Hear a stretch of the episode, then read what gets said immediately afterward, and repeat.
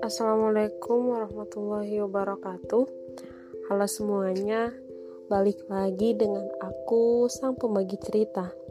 Sekarang kayaknya aku gak akan lama-lama buat bahas podcast ini. Jadi gini Aku itu semenjak corona belajar apa artinya Kekecewaan berharap kepada manusia ketika kita salah menafsirkan sebuah perilaku atau keputusan itu sebenarnya lumayan bikin sakit hati gak sih? Gak hanya persoalan virus merah jambu ya, tapi bisa dengan masalah pekerjaan, keluarga, dan lain-lain. Terlebih kita sebagai wanita yang tidak dipungkiri memiliki daya hayal yang sangat luas harapan itu sudah terkonsep untuk banyaknya kita melakukan hal yang kita pikir akan segera terwujud pada waktu dekat. Tapi kadangkala semua itu tidak semulus jalan tol. Kadang harus tertunda, bahkan bisa jadi batal.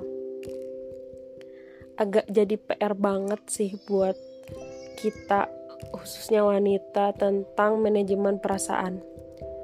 Namun, semakin sering kita dihadapkan dengan kekecewaan mengenai berharap kepada manusia, itu akan semakin mengasah kita untuk berpikir logis dan agak membaik ketika kesekian kalinya terjadi lagi.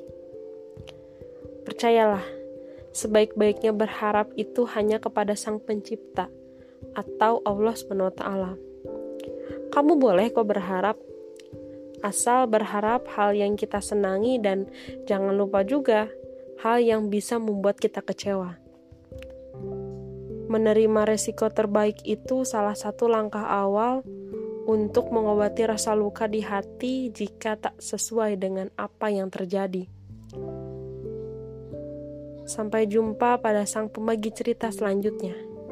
Terima kasih.